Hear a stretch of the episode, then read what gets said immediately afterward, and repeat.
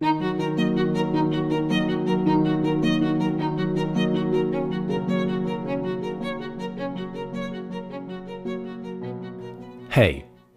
witajcie w podcaście sejmowym.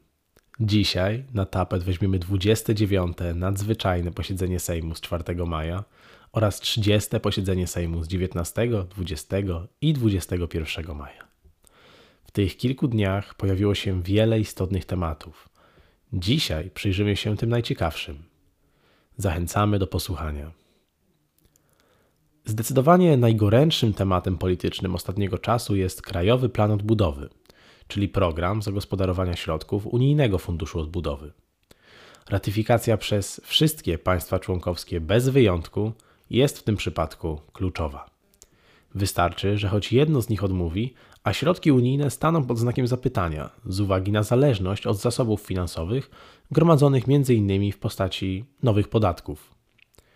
Na blisko 500 stronach polskiego planu odbudowy czytamy o rozwiązaniach takich jak zwiększenie odporności gospodarki, kolejno poprzez wydłużenie wieku emerytalnego, poprawienie warunków w sektorze rolnym, robotyzację i innowacje w przedsiębiorstwach, inwestycje w rozbudowę potencjału badawczego, wsparcie rozwoju nowoczesnego kształcenia zawodowego i szkolnictwa wyższego oraz wreszcie poprawienie sytuacji rodziców na rynku pracy poprzez dofinansowanie miejsc opieki nad dziećmi.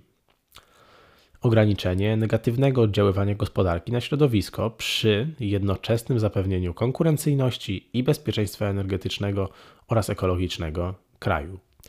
Między innymi poprzez wymianę źródeł ciepła, rozwój technologii wodorowych oraz utworzenie Funduszu Zielonej Transformacji Miast.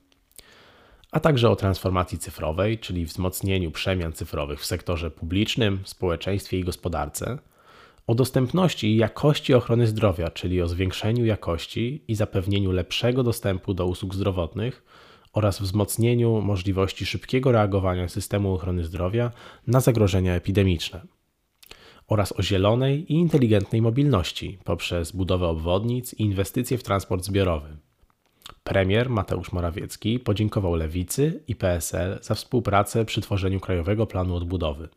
Natomiast Zbigniew Ziobro i jego Solidarna Polska stanowczo sprzeciwiali się ratyfikacji. Ziobro stwierdził, iż fundusz to nowomowa unijna i gra słów, które służą mydleniu oczu. Od Platformy Obywatelskiej także usłyszeliśmy sprzeciw.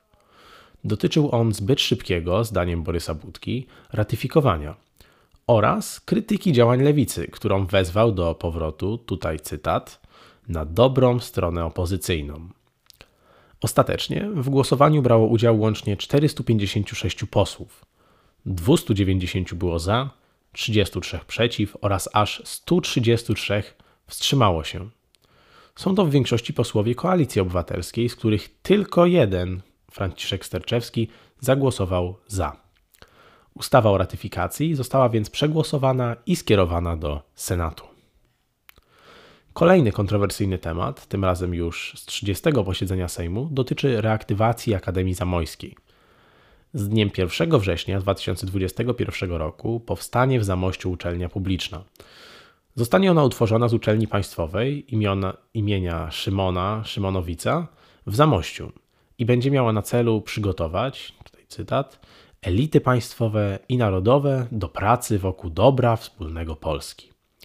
Jest to projekt mający na celu reaktywację Akademii o tym samym imieniu, założonej w 1595 roku przez Jana Zamojskiego i zlikwidowanej w 1784 roku przez rząd austriacki. Pomysłodawcą projektu jest poseł PiS Sławomir Zawiślak, który uzyskał poparcie wicepremiera Jacka Sasina oraz ministra edukacji i nauki Przemysława Czarnka. Posłanka KO, Barbara Nowacka, wyraziła swoje obawy, stwierdzając, iż do standardu dobrego stanowienia prawa jest nam bardzo daleko, dlatego że jest to projekt poselski, pod którym podpisuje się minister.